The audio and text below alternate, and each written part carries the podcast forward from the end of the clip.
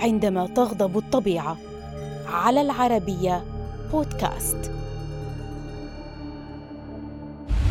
لم يكن سكان فلوريدا والويزيانا والميسيسيبي يخشون الأعاصير.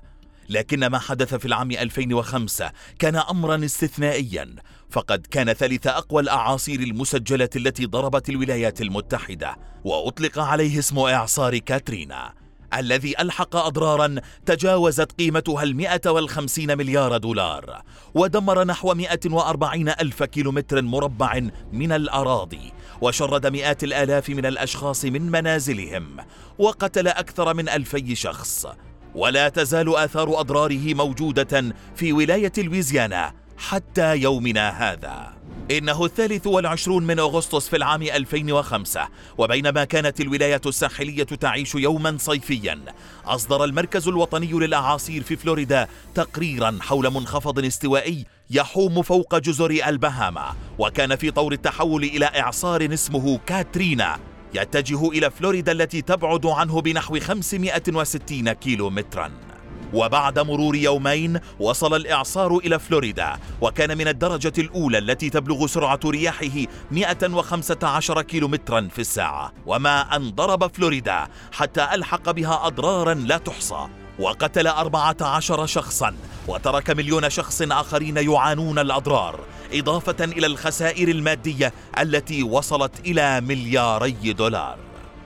تابع إعصار كاترينا تحركه وذهب في اتجاه الشمال الغربي عبر المياه الدافئة لخليج المكسيك. فازدادت قوته وأصبح إعصارا من الدرجة الثالثة ووصلت سرعة الرياح إلى 225 كيلومترا في الساعة. وضرب سواحل نيو أورليانز في التاسع والعشرين من أغسطس ودمر 53 سدا فيها. وغمرت المياه 80% من المدينة. ووصل ارتفاع المياه إلى ستة أمتار وتسبب في مقتل 1577 شخصا. وانقطعت إمدادات الكهرباء والمياه الصالحة للشرب. وشبكة الاتصالات عن المدينة لينطلق الإعصار بعدها إلى الميسيسيبي. ويقطع الكهرباء والاتصالات ويقتل 238 شخصا. وتغمر المياه أجزاء شاسعة من الولاية. استمر الإعصار في التحرك ووصل إلى الدرجة الخامسة وازدادت سرعة الرياح بشكل جنوني حتى وصلت إلى 280 كيلومترا في الساعة وعطل 95% من الإنتاج اليومي للنفط في خليج المكسيك.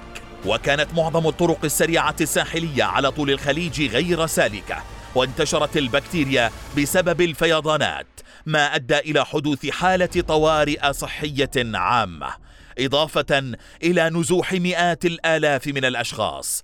وتسببت أضرار الإعصار في خسائر تجاوزت 150 مليار دولار ليكون أكثر الأعاصير تكلفة على الإطلاق.